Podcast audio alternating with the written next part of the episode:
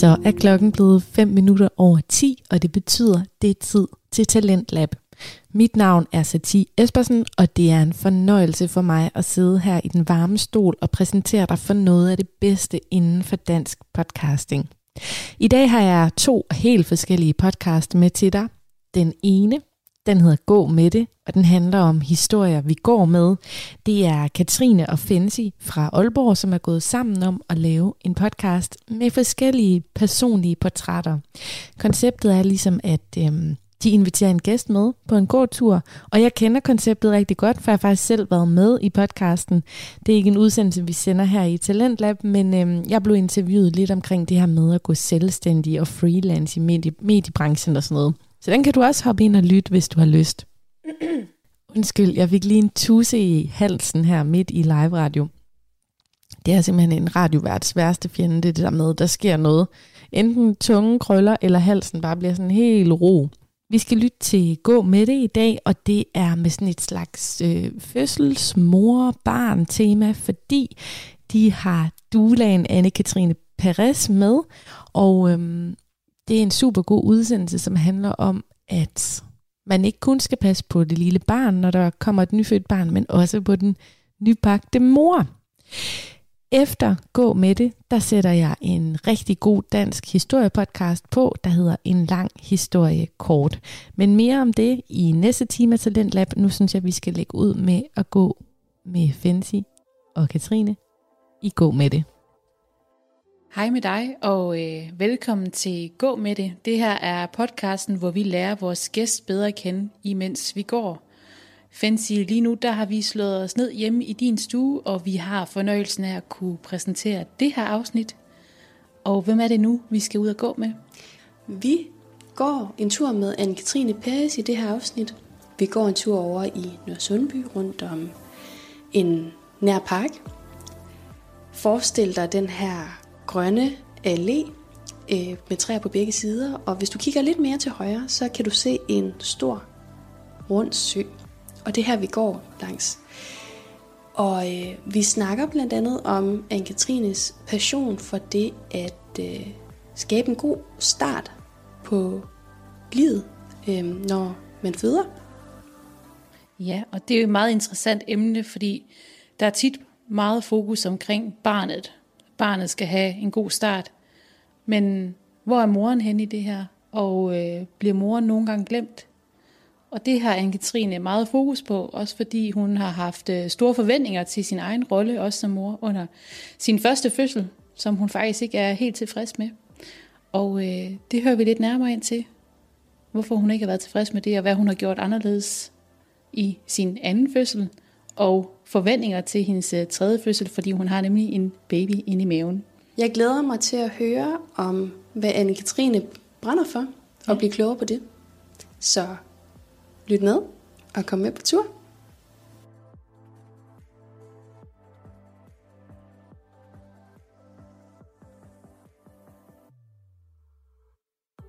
Hej Anne-Katrine. Hej. Hej. tak fordi du vil gå en tur med os i dag. Vi er jo faktisk så heldige, at øhm, der er en, der hedder Sanne, som har indstillet dig som gæst her i podcasten. Og jeg tænker lige, at jeg vil læse det højt, hun har skrevet til os, Ja, hvorfor hun synes, du skal være med som gæst. spændende. Det starter vi lige med. Ja. Jeg vil gerne indstille Mamadula Paris. Ja, Peres. Yes. Sådan. Smiley med hjerter i øjnene. Hun er en kæmpe inspiration. Sådan en sød og energisk kvinde med en masse inde på livet. Anne-Katrine er doula, ammeaktivist, og så har hun lige været et længere forløb igennem øh, med en masse lort med graviditet og corona. Det kan hun selv fortælle en masse om. Jeg synes egentlig, det er en meget øh, sød beskrivelse, og derfor kunne vi selvfølgelig heller ikke lade være med at, at tage kontakt til dig. Og vi går nu her omkring Lindholm Søpark i Nørre Sundby, hvor du også bor ret tæt på. Ja, Og øh, vi har lige mødt dig hjemme i dit eget hjem, hvor der var to små søde børn, der lige åbnede døren sammen med din mand. Sådan nogle nougat-farvede børn. Totalt søde med sådan noget flot krøllet hår. Men øh, Anne-Katrine, jeg synes, det jeg bider mærke i, det er det her med, at du er doula. ja, Øhm, og jeg kom sådan til at tænke på, hvad, hvad er det egentlig for noget, og hvordan fik du lige interessen for at blive doula? Jamen, øh, ja, hvor skal man starte? Altså, det startede egentlig dengang, jeg fik min søn. Ja. Øh, Nord, som er vores ældste på syv år nu. Øh, hans fødsel var ja, en øh, lidt ambivalent oplevelse. Øh, der i hvert fald havde et meget voldsomt udfald til sidst. Han blev taget med sugekop. Øh, alt inden presseperioden var dejlig. Ja. men, øh, men det var det ikke til sidst. Og, øh, og den start på moderskabet øh, for, for mig, det var det påvirkede mit forhold til min søn, og det påvirkede også altså, øh, vores ammeforløb. Øh, til at starte med var jeg øh, enormt desperat for, at amningen skulle fungere, fordi jeg følte, at jeg havde fejlet, fordi jeg ikke selv havde kunne få ham ud. Øh, og det var en voldsom start, øh, hvor jeg til at begynde med ikke fik den rigtige hjælp. Det gjorde egentlig bare ondt værre. Men øh, tilfældighederne gjorde, at jeg har en veninde, der øh, kom. Hun er faktisk nu mor til, øh, til Nords allerbedste ven. Det er meget, meget, det er meget fint, at, at det også er faldet sammen senere. Men, øh, men hun kom med en, en øh, vikle og hjalp mig med at få bundet ham op, så jeg kunne prøve at vikle ham lidt og have ham tæt. Og, øh, og så hjalp hun mig med at komme i kontakt med noget, der hed Ammenet. Og Ammenet er noget større nu. Dengang var det en lille Facebook-gruppe, som øh, med en 500-600 kvinder, der hjalp hinanden med, med gode råd om amningen. Og der fik jeg at vide, at det der du oplever, det er ikke normalt. Så derfor så, øh, så kan du gøre det og det og det. Og, øh, og det gjorde så, at jeg efter 6 uger fik amningen til at fungere. Og øh, ja, i samarbejde med Lille Nord. Ja. Øhm, og jeg tror, at den her start øhm, betød rigtig meget i forhold til øh, min selvopfattelse som mor. Og hvordan at jeg ved hjælp af andre kvinder, der støttede mig, kom til at føle mig styrket. I stedet for den følelse, jeg har haft lige efter jeg havde født, hvor jeg havde følt, at jeg fejlede, uanset hvad jeg gjorde. Og det hjalp mig også til at lytte mere til min egen mavefornemmelse omkring, hvordan jeg, ja, hvordan jeg skulle være mor over for Nord. Øhm, og da Nord han så var et år, så kom jeg til at spurgte jeg ind til, om jeg måtte være en del af Ammenet, fordi Ammenet var pludselig vokset sådan massivt, og de havde brug for ammevejledere, og det fik jeg lov til at uddanne mig til hos dem. Øhm, det kaldte vi moderatorer. Øh, så der vejledte jeg ind på Amnets Facebook-side på det tidspunkt. Og igennem dem lærte jeg så det her udtryk at kende, der hedder Dula. Og, øh, og det her med at hjælpe og støtte andre kvinder i deres moderskab, i at nå de mål, de gerne vil som mor, det kan altså være ammevejleder handler også om nogle gange at hjælpe med ja, selvfølgelig at til at fungere, men også nogle gange at stoppe, eller nogle gange at håndtere de udfordringer, der kan være. Og det er i princippet det samme, man gør som doula, øh, bare for, øh, for det meste for gravide og fødende, og så den aller, aller første spædetid efter fødslen. Ja. ja. Så lærte jeg det at kende og fik at vide, at der var en uddannelse i Aalborg. Og jeg var i gang med at studere øhm, på universitetet, men det føltes bare så rigtigt. så det gjorde jeg. Og øh, det var sådan, ja, det første spadestik at tage den her uddannelse. Ja, fordi du var i gang på universitetet, ikke? Og du var i gang med ellers at læse kommunikation. Jeg tror faktisk, jeg stadig var i gang med min bachelor i spansk ja. på det tidspunkt, ja. Okay. Og så havde jeg men ja, hvis jeg tænker mig, fordi det var i 2015, at jeg blev doula, så der har jeg egentlig været på barsel med Nord, da jeg tog den uddannelse, som jo så ikke er meget lang. Doula er ikke en beskyttet titel, så hvor udvidet din uddannelse er til at blive doula, hvor stor den er, det, det afhænger meget af den enkelte uddannelse. Så det var egentlig over et par måneder og et par weekender, hvor at, øh, ja, hvor det var ligesom et kursus, man tager. Øhm, Og skal man møde op for at tage de kurser, eller er det over nettet? Eller? nej, men det var så, den her, det var så i Aalborg, men der er også nogle udenlandske øhm, ja, uddannelser som doula, som man kan tage. Og der er egentlig mange forskellige, for der er også nogen, der kalder sig selv for fødselshjælper, eller birthkeepers, eller det er sådan meget, meget bredt. Men det alle har til fælles, det er ønsket om at, at støtte op om, at kvinderne og familierne og den nyfødte får den bedst mulige start på livet. Så i et fødselsrum, hvad vil doulaens rolle så være? Ja, det må du gerne. Fordi der er vel også en liv, øh, ikke en livmor, en jordmor til stede. Ja, Så altså, hvad skal man sige, rollefordeling i føde. Så der er, øh, der er nogle doulaer, der, der deltager i planlagt uassisteret fødsler, det vil sige uden, uden sundhedspersonale eller folk fra sundhedsvæsenet, altså uden jordmor. Øhm, det gør jeg ikke. Jeg plejer at sige, at, for, at jeg er et, jeg er et supplement. Mm. Øhm, og en, en doula skal man have med, hvis det er, det føles rigtigt. Øh, og rollen, den kan være, den kan være meget, meget, altså meget bred og meget forskellig, alt efter hvad det er for en familie, man er hos. Øh, hvor længe har man kendt dem? Har man været med dem helt fra starten af? Eller, altså, og jeg tror, at så jeg har lavet alt fra praktiske opgaver til, hvor jeg har fyldt fødekar og hentet håndklæder, øh, og hjulpet jordmoren med, med nogle af de her praktiske opgaver. Øh, en del af opgaven øh, kan også være at støtte partneren i at støtte moren i hendes, ja, i hendes proces.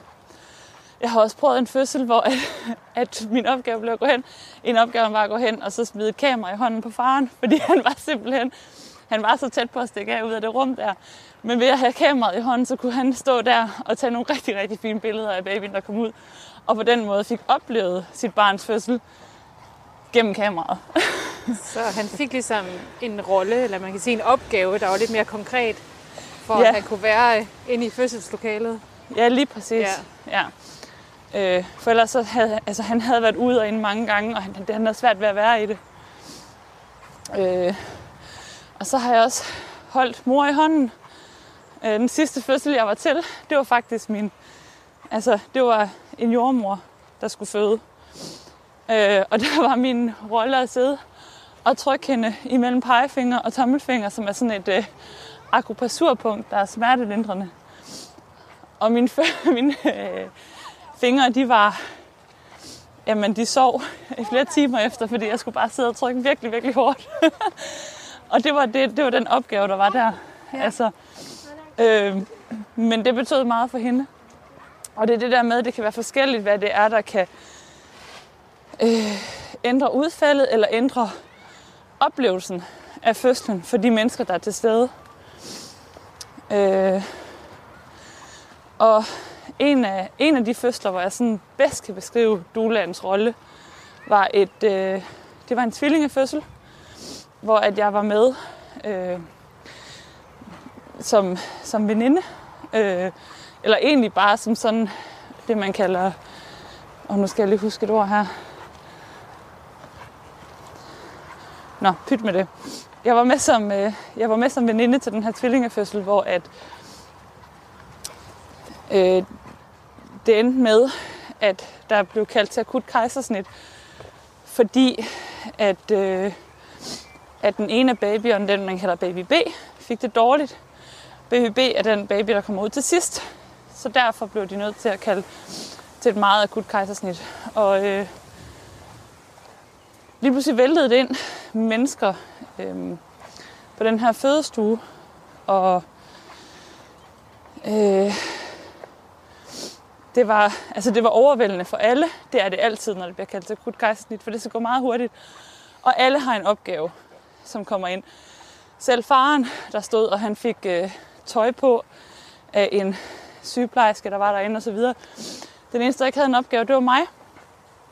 Og fordi jeg ikke har en opgave, fordi jeg ikke har det ansvarsområde eller den viden til at hjælpe med at klargøre til det her kejsersnit, så kunne jeg gå hen og så tage øh, mor i hånden, kigge hende ind i øjnene og sige, nu skal du fortælle dine babyer, at de skal fødes, at det her det er jeres sidste, sidste tid sammen, og at lige om lidt, så skal I møde hinanden.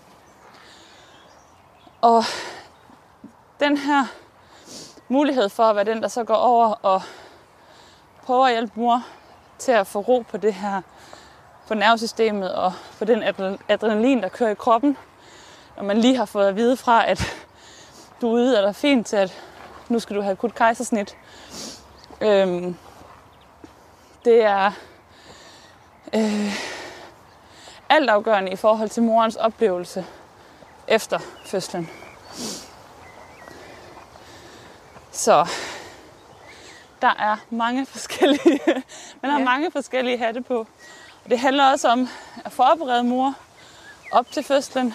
Det handler om at, at holde mor og passe på hende, når hun har født.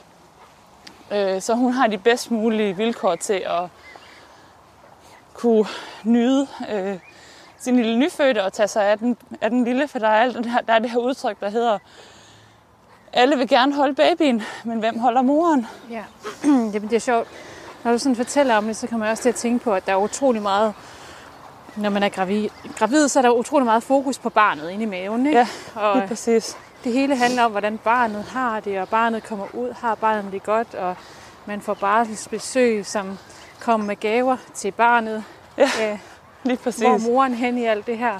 Og det lyder egentlig som om, at, at din rolle som doula er at passe på moren. Ja, det er det. Det er at passe på moren, som, som nok som hovedregel. Det kan også være nogle gange partneren, eller...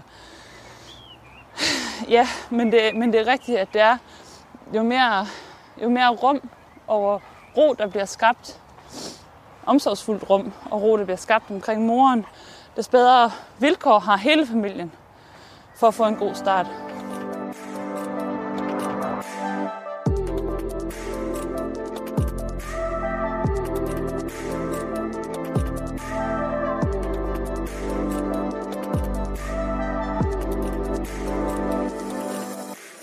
Nu er jeg jo selv gravid, og så når, at, øh, når man er øh, øh, gravid, så er der de her Facebook-terminsgrupper.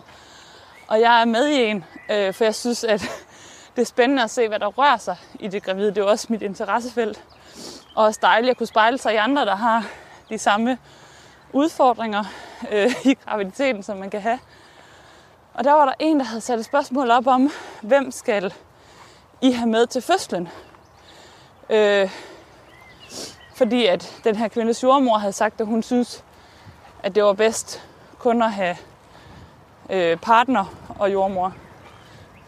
Øhm, og der var det sjovt, der var mange kvinder, der skrev i den her tråd faktisk, at øhm, jeg, kan, jeg vil ikke have kunne overskud til at have andre med end min partner.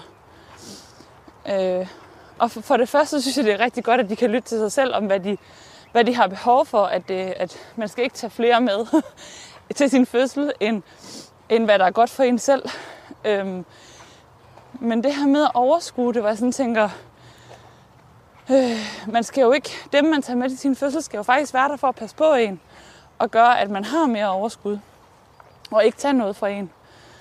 Øh, så at jeg tror, der er mange, der havde den her med, at, at hvis de skulle forholde sig til andre, at så øh, den måde, de opførte sig på, eller den måde, de måske fødte på, eller reagerede på, at det, det havde de ikke lyst til at skulle dele med andre. Øhm, Og det tror jeg faktisk også, det er, det, det er en del af det, der er med, med vores fødekultur. Det er sådan noget, et skjult lille familieevent, øhm, som, som der også er en, en del skam over. Øh, I forhold til det her med at være nøgen, i forhold til det her med at måske komme til at lave lidt for mange lyde, eller, eller ikke være den her pæne, artige pige, at så kan det være uoverskueligt for nogen at have flere med os, fordi at så er der en bestemt måde, man skal opføre sig på. Det er, Hvor, det er altså, meget vores kultur, ikke? Altså med, at vi skal være så private. Jo, lige præcis. Og, og at fødslen er, er noget skamfuldt. Altså, det er jo, hvis man kigger sådan... Nu øh, skrev jeg i min... Øh, i mine projekter, i min, i min kandidat, jeg tog en kandidat i kultur og kommunikation og globalisering med specialisering inden for kønsstudier. Og det var super smart, for så kunne jeg få lov til at skrive om fødsler ja. og kvinders rettigheder inden for fødsler. Og der skrev jeg så om henholdsvis øh, kvindens position under fødslerne, at vi ligger meget på ryggen øh, og føder øh, i den vestlige kultur, og at øh, og menneske, menneske, nummer to, det var menneskerettigheder i øh, dansk fødekultur, og den sidste handlede så om den maskuline dominans inden for fødsler. Og når jeg sådan ser tilbage på de her og historien omkring fødsler, så er det meget, det gentager sig meget det her med, at den måde, vi føder på i dag, er faktisk påvirket af, af, af den her maskuline kultur, der har været. Altså vores, øh, den måde, vi føder på, er jo også kulturelt betinget af den historie, der har været forud for vores generationer. Ikke? Så hvis man kigger på for eksempel den, at det faktum, at vi ligger ned og føder på ryggen, jamen det er egentlig fordi, at der for 300 år siden cirka ish, øh, begyndte at vi brugte flere instrumenter under fødslerne. Og derfor var der øh, derfor var det praktisk, at kvinderne lå, lå, øh, skulle lægge sig ned og føde. Øh, og det er jo, det er jo meget sigende, når, at, når vi samtidig ved, at kvinder føder ofte lettere og med mindre smerte, hvis det er, at de er i en oprejsposition. Så der, der er meget ved den her fødekultur, som, øh, ja, som, er, som er interessant at kigge på, og som når man så er doula, så kan man stille flere spørgsmål ved det. Jeg var faktisk ikke klar over det der med, at i fødestuer, så kan der være sådan en form for skam, eller et eller andet, som du sådan sagde, ja. forbundet til det med fødslen. Altså, vi skal helst sådan, hvis vi har for mange smerter, så skal vi holde det tilbage, eller ja. hvad? Ja, og, og, det, og det påvirker jo faktisk udkommet af vores fødsler, fordi at vores kæber og øh, læber omkring munden er forbundet med den del af vores krop. Og når vi skal føde, så skal vi helst give slip på, øh, på alt, der ligger nede omkring ja, det, man kalder fødekanalen. Ikke? Og det gør vi bedst, hvis nu det er, at vi giver slip på alt muligt andet. Det jeg plejer at sige, at hvis du skal have kontrol over din fødsel, så skal du slippe din kontrol. Og, og vi holder jo den her kontrol med, at man skal føde som en god pige. Ikke? Altså, hvis man er en dygtig føder i godsøjen, så øh, gør man det i stillhed og ro og samtidig super stærk. Altså. Og det er jo forfærdeligt, at det er sådan. Ja. Så jeg tror, altså i princippet, hvis man tænker tilbage på det her med en doula, en doula og en jordmor har rigtig meget omkring den samme rolle, og i andre kulturer vil de også blive blandet sammen, men fordi vi også har den, den her øh, øh, medicinske kultur ind over vores fødsler, som jo så også redder liv. Altså, så det er ikke fordi, jeg siger, at, at det, det ene skal fjernes, eller det andet skal fjernes, men, men hvis man kunne finde en balance mellem det, så man stadigvæk støttede mere op om, at kvinderne de kunne beholde fødslerne som, øh, som et element, der styrker mm. dem i deres moderskab, så man kommer ud på den anden side. Ja. Så jeg tror også nogle gange noget, jeg rigtig gerne vil som doula, men også som, øh, men også som, når nu jeg formulerer mig på de sociale medier, eller deler noget af det, jeg gør, så er mit ønske egentlig at inspirere andre til at se ind i den her del af en selv, som er ja, som, hvor, et, hvor et blandt andet en fødsel kan være noget empowering, og ikke noget skamfuldt, eller noget, der øh, noget man frygter, eller noget, man øh, tænker skal ødelægge en, eller man kan gøre rigtigt eller forkert. Ja. Men det, det er meget øh, fint, du nævner alt det, du kommer ind på nu her. Også det her med at tabe kontrollen, som man jo gør lidt under en fødsel. Man har jo aldrig prøvet det før, hvis det er ens første fødsel. Og man kan jo være sådan lidt, skal det gøre så ondt, og hvad er rigtigt, og hvad er forkert? Øhm. Og så nævnte du også i starten det her med din første fødsel. Ja. Hvor du også egentlig var sådan lidt, hvad man siger, skuffet over dig selv, hvis det er det rigtige udtryk. Ja, jamen det at var du jeg. ikke selv kunne føde dit barn, at du skulle have hjælp til det. Øhm, Ja, og jeg var... Hvordan har du med det i dag? Altså, fordi det er jo også hmm. på en eller anden måde... Det er egentlig et godt spørgsmål. Altså, jeg, jeg, øh, jeg tror altid, jeg ville ønske, at, øh, at mig og Nord havde haft en anden start sammen. Øhm, fordi jeg kan, ikke, jeg kan ikke huske det øjeblik, han kom ud af mig, fordi det var sådan helt ud af kroppen oplevelse. Fordi at det var så ubehageligt. jeg vil bare sige, det, øh, for mig er, er, er fødsler ikke altså den, den oplevelse, jeg har haft med fødsler, er ikke de smertefulde på den måde, som man måske tænker på smerte. Men lige præcis den del, hvor han blev taget ud, det var, det var smertefuldt på den her måde, hvor jeg ikke kunne håndtere det. Nok sådan, det skal sige. Der var ellers ikke noget i, i fødslen, som jeg ikke kunne håndtere i forhold til smerten, men, men det kunne jeg ikke med det der. Det gjorde meget ondt, og det var, øh, det var også voldsomt, for der kom lige pludselig mange mennesker ind på stuen, ikke? Ja. Øh, han havde det godt, skal det siges. Det var ikke, men det var simpelthen fordi, jeg sagde, at jeg kan ikke mere. Altså, jeg havde ikke flere kræfter til at presse med. Øh, og min mor, hun var med, og hun, hun oplevede ikke det, at han blev taget med kop, som særlig voldsomt. Så det er jo det, der er, det er, jo det, der er faktisk er sjovt ved det der med, at det, der står i journalen, eller det jordmor, eller andet sundhedspersonale har oplevet, det er ikke, øh, det er ikke nødvendigvis, det afspejler ikke nødvendigvis kvindens oplevelse. Fordi for mig var det direkte forfærdeligt at opleve. Det, der så er meget, meget smukt omkring det, også fordi, jeg vil bare lige sige, fordi kvinder, der ikke har prøvet at føde endnu, eller som har fødselsskræk, som eventuelt måtte høre det her, øhm, så vil jeg sige, at der er nogle ting, der kunne være foregået anderledes øh, i forhold til fødslen, som man kan forberede sig på, for at, at sådan en oplevelse ikke finder sted. Altså, øhm, jeg tror, at det kunne have gjort en stor forskel for mig, at, at min jordmor havde kendt mig, eller at, øh, eller at eller jeg havde haft en doula eller en anden person til stede, som kunne, øh, som kunne hjælpe mig til lige at lytte til mig selv, fordi det, der egentlig skete, det var, at, at jordmoren på et tidspunkt siger, Nå, men det lyder som, du kan, at, at din ved at ændre sig, nu vil du gerne presse.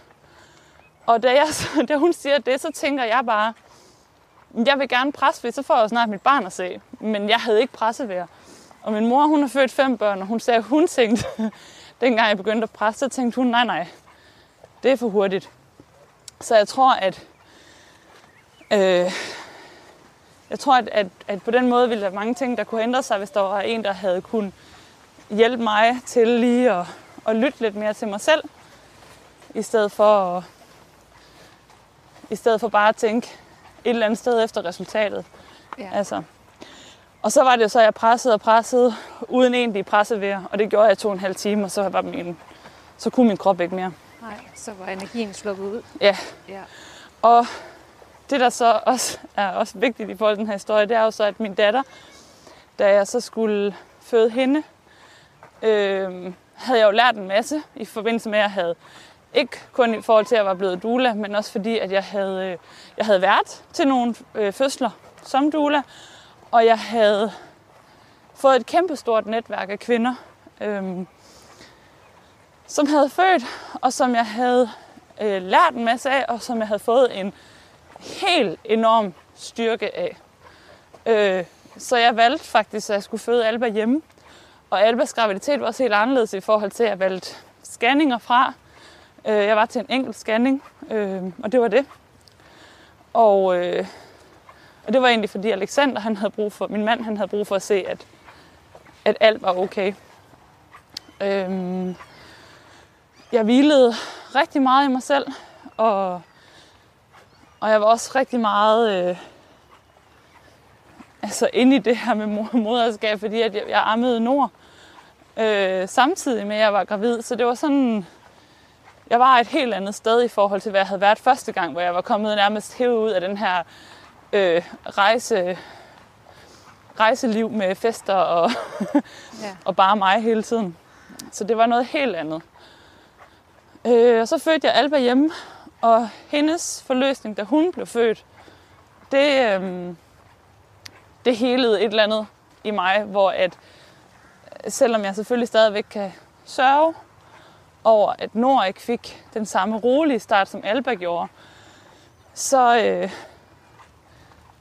så fandt jeg en ro i det, og tilgav måske også lidt mig selv for, at det ikke var gået sådan første gang. Og jeg fik også den her fornemmelse af, at jeg kan godt. Ja. Ja.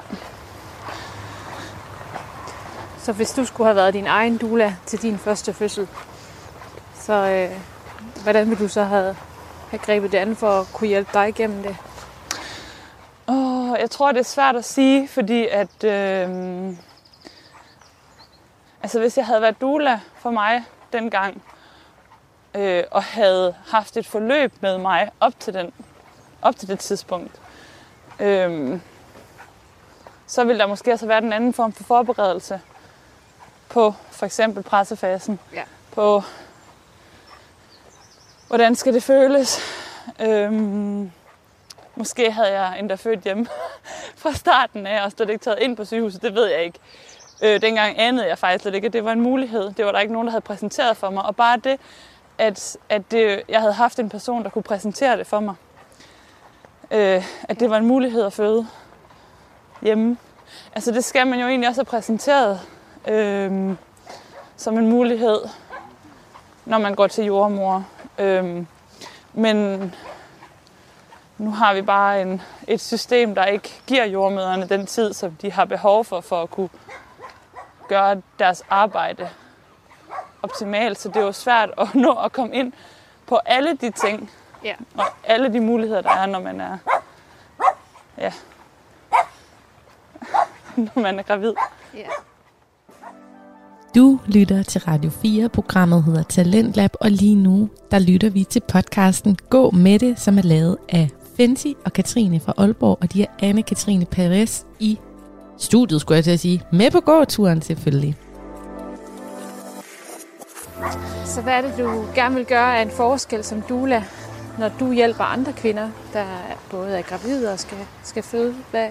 Jeg vil gerne hjælpe dem med at finde ind til den der kerne af visdom, som de har inde i dem selv. Fordi at der er rigtig meget, at, at vi faktisk godt ved som kvinder, ikke kun når vi er gravide, vel, men sådan generelt, ting vi godt ved, en intuition, som, øh, som graviditeten også hjælper os med at finde ind til. Men nogle gange så skal vi have et skub, fordi at vi også lever i en verden, hvor et, de bløde værdier har ikke særlig meget værdi. Så sådan noget som at sige, jamen, vil du betale en kvinde for at komme og holde dig i hånden og fortælle, at du klarer det godt? Altså, det er jo det er de færreste, der, der måske har lyst til det. Øhm, men, men det gør en forskel, og hvis man så kan hjælpe eller støtte kvinderne i at finde ind til den her værdi i deres egen blødhed og sårbarhed, øh, og så de kan mærke, hvad styrken også er i det, og hvad værdien er i det, så kommer man virkelig langt øh, som nybagt mor. Og for den sags skyld også i alle mulige andre steder, man kan være i livet. Som ja. ung kvinde, som første menstruation, i overgangsalderen. Alle de her forskellige processer, der må være, som vi ikke snakker så åbent om. Og, øh, og så også det her med at skabe rum til, at fødslen ikke kun bliver et øh, patologisk medicinsk event, men at der bliver en, øh, en vis... Altså man danner base for, at der kan være en empowerment, at kvinden kan komme ud bagefter og føle, at hun gjorde det fandme. Og det kan være alle mulige slags fødsler. Øh, jeg har også været doula til et planlagt kejsersnit, altså, og det var, det var så fedt at se, hvordan den her kvinde, hun bare sagde, okay, men jeg tager øh, og, og får det her planlagte kejsersnit. Og så kunne jeg hjælpe hende med at finde ud af, jamen, hvad for nogle valg har du så, du kan tage. I stedet for, at man kommer ind og siger, jamen det, og øh, faktisk, det kommer den, det er meget i det engelske sprog, den her med, at øh, the doctor delivered the baby, altså som om, at det er lægen eller sundhedspersonalet, der ligesom sørger for, at babyen bliver født, men at man ændrer den her retorik til, at det er kvinden, der skal ind, og det er hende, der føder. Ja. Så det er meget abstrakt. Jamen, Men, det, øh, jeg synes i hvert fald, at jeg er blevet meget klogere på det, efter at du fortæller nærmere om, hvordan du oplever det, og hvordan du ser på det. Ja. Og øh, jamen, man hører jo også om, om alle de nedskæringer, der er lige nu på, på landets fødegange, især Ja. i, i hovedstadsområdet.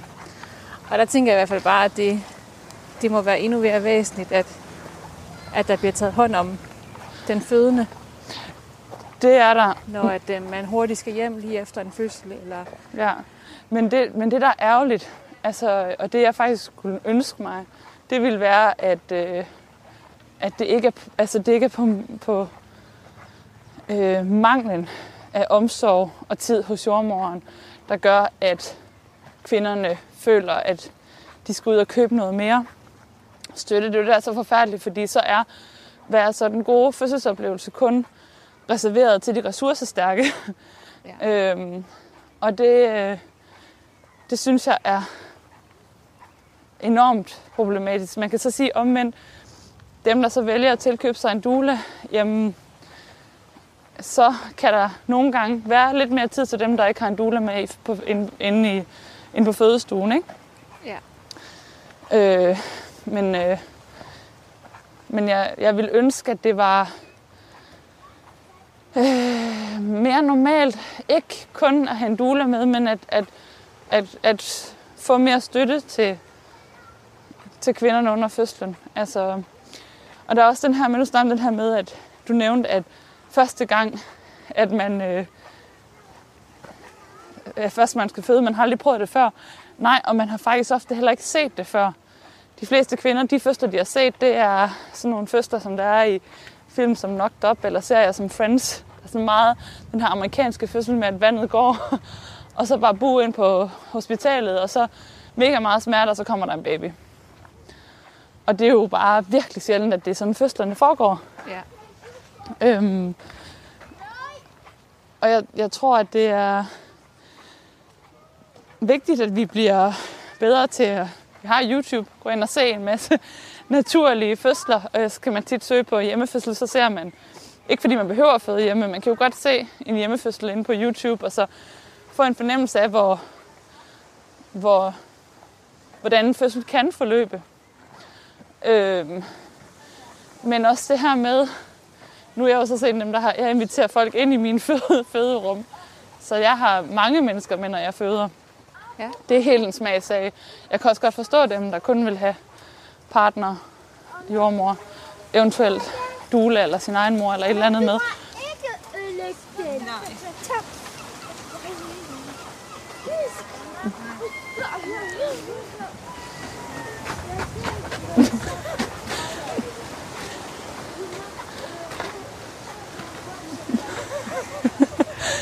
Det, der sker lige nu, det er, at vi øh, går på en meget øh, smal sti her i, i Lindholm Søpark. Og øh, ja, det er så hyggeligt, hvem det er, man lige møder også undervejs. En lille hygge, hyggelig børneflok der på Ja. tre, der også lige skulle være med i Lige præcis. vores lille podcast her.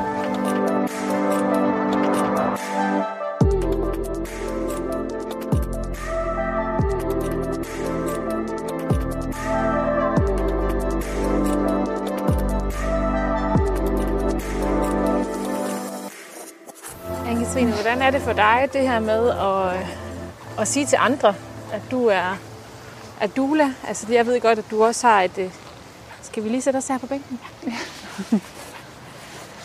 Jeg ved jo også godt, at det ikke er det, du øh, lever af som, som fuldtidserhverv. Det er måske lidt mere din fritidsbeskæftigelse. Ja, Ja. Er det noget, du sådan siger højt, når du møder nogle nye mennesker for første gang, at, at du er doula, eller er det noget, du sådan lidt mere holder for dig selv? jeg tror, at øh, der har været nogle perioder, hvor jeg har været virkelig, virkelig øh, i kontakt med min egen øh, kvindelige styrke, og har bare stået fast i, hvem jeg er, og har sagt det sådan meget, meget højt og ud til alle dem, jeg måtte møde. Øhm, Hvilke perioder var det? At, var det især under fødsler, eller Jamen var det, også har været, altså der var lige den der periode. Faktisk så, ja, hvad, hvad var det for et år? sommeren 2018, inden jeg blev 30, der i stedet for at holde 30 års fødselsdag, der holdt jeg en, øh, en øh, hold kæft fejre sej i mine 20'ere fødselsdag, Ja. som var en gudindefest, hed det, hvor jeg inviterede øh, en kæmpe flok af mange forskellige kvinder, som jeg alle synes er, har inspireret mig på en eller anden måde, til en øh, fødselsdag hjemme i min have, hvor vi alle sammen kom klædt i hvidt. Og øh, en af mine veninder, Anne Maja, øh, hun øh, stod for sådan en, altså en kvindecirkel, hvor at vi lavede noget transformation og sang, og, og det var meget, meget stærkt og også meget alternativ for nogle af de kvinder, der var med, for det er ikke nødvendigvis alle mine veninder, der er lige så alternativ, som jeg er mm. i den forstand. Og, øhm, og jeg tror, i den periode var jeg virkelig, der følte jeg mig virkelig bare altså som sådan en ildkvinde, fordi at der var bare rigtig meget omkring mig, der støttede op i det. Øh, det er kvinder, som jeg havde omkring mig, og de oplevelser, jeg havde haft, alle de succesoplevelser, jeg havde haft i forhold til, jeg havde armet øh, begge mine børn på samme tid. Øhm, tandemamning hedder det, når det er som to børn i forskellige alder. Og, øh, og jeg havde øh, haft den her fantastiske fødsel med Alba to år tidligere, og jeg tror bare, der var rigtig meget, der sådan, øh, ja, brændte inde i mig. Der tror jeg godt sige det. Ja. At sige andre gange, hvis jeg ikke lige står helt fast på at skulle fortælle om, hvad det er, og diskutere, hvad det er især i, i Nordjylland, kan det godt nogle gange være svært at forklare. Og det er også nogle gange, hvad, hvad, for- hvad, hvem man er sammen med. Øh, er det nogle mennesker, der, der nogensinde vil kunne forstå de her bløde værdier, som der er i for eksempel at gøre brug af en doula? ja. Ja. Men grundlæggende så handler det jo om at få en god start på livet. Og det tror jeg, at alle må være enige om, at det er en god idé. Det tror jeg, men jeg tror også mange vil sige, det er jo det jordmoren gør. Og tager du så ikke bare partnerens rolle, og øhm, det er godt nok mange penge at give for det, agtigt. Altså, det er ligesom, øh, men det er lidt ligesom jeg plejer at sige, når der er, øh, jeg, er ikke, altså, jeg er ikke uddannet professionel ammevejleder, så jeg tager ikke penge for at vejlede i amning. Der er nogen, der er decideret uddannet til det, IBCLC'er blandt andet, som, øh, som er en, en, en længerevarende uddannelse. Øh, men når jeg snakker nogle gange med nogen, der øh, har problemer og udfordringer i deres ammeforløb, og bare gerne, rigtig gerne vil amme, der prøver jeg virkelig at, at forklare dem værdien i at bruge de penge på en, en, der kan hjælpe en til at få det til at fungere, og så tænke, jamen, hvis man skal tænke i penge, jamen okay, det sparer du så måske i modermændserstatning. Og værdien i også bagefter at føle, at man har virkelig gjort alt det, man kunne. Og det er lidt det samme med en doula.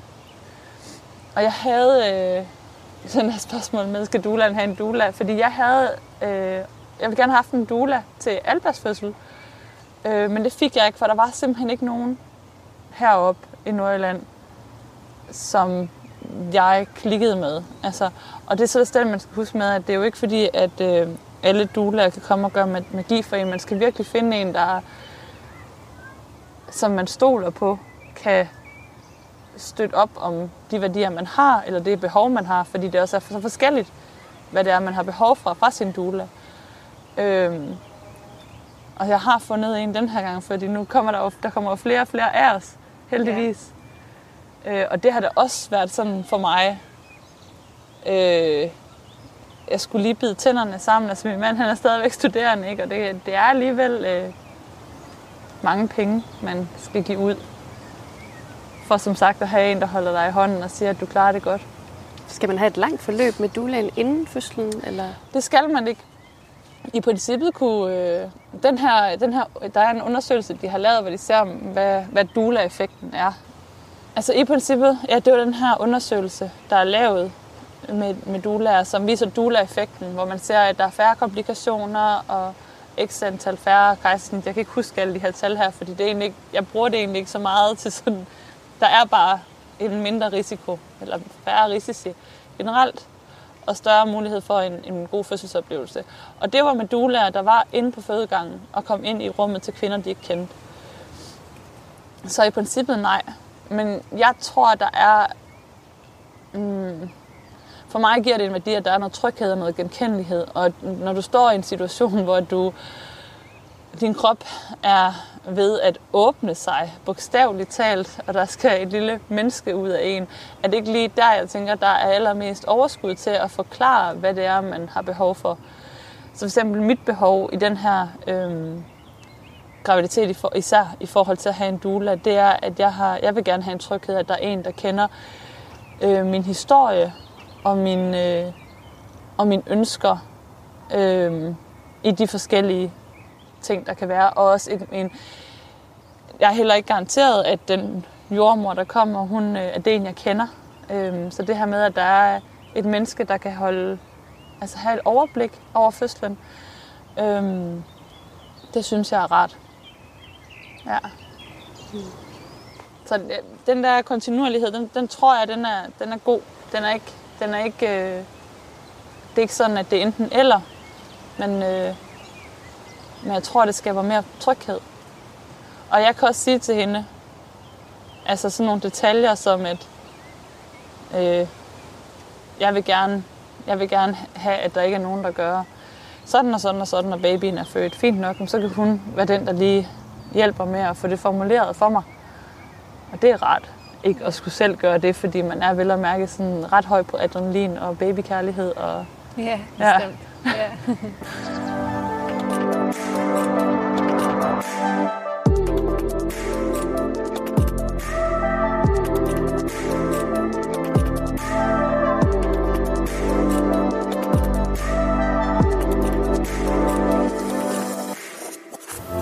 lyder egentlig også til at være meget sådan opmærksom på din egen krop, og øh, altså hvor kommer det fra? Er det også i forbindelse med, at du er blevet mor, eller har du altid været god til sådan at, at mærke sådan mm. dig selv, og måske også lære omsorg omkring de kvinder, der er sådan omkring dig? Jeg, er, øh, jeg har været virkelig, virkelig dårlig til at tage mig af mig selv. altså, ja. Jeg har virkelig, virkelig ikke været god ved mig selv som ung. Øhm, jeg har, øh, og, og på, på så mange punkter, øh, havde enormt dårligt selvværd som, som ung. Øhm, jeg kom fra en, øh, en dysfunktionel familie, øh, hvor, hvor, at, øh, hvor jeg tænker, at, at der har været, nogle, der, der har været noget øh, følelsesmæssigt omsorgsvægt.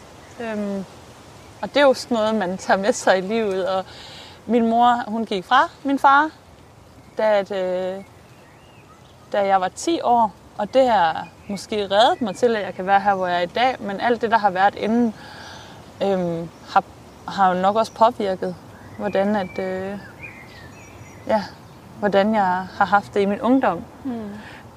Og jeg tror også, det er derfor, at moderskabet det kom så belejligt for mig, fordi der var bare noget, jeg kunne der.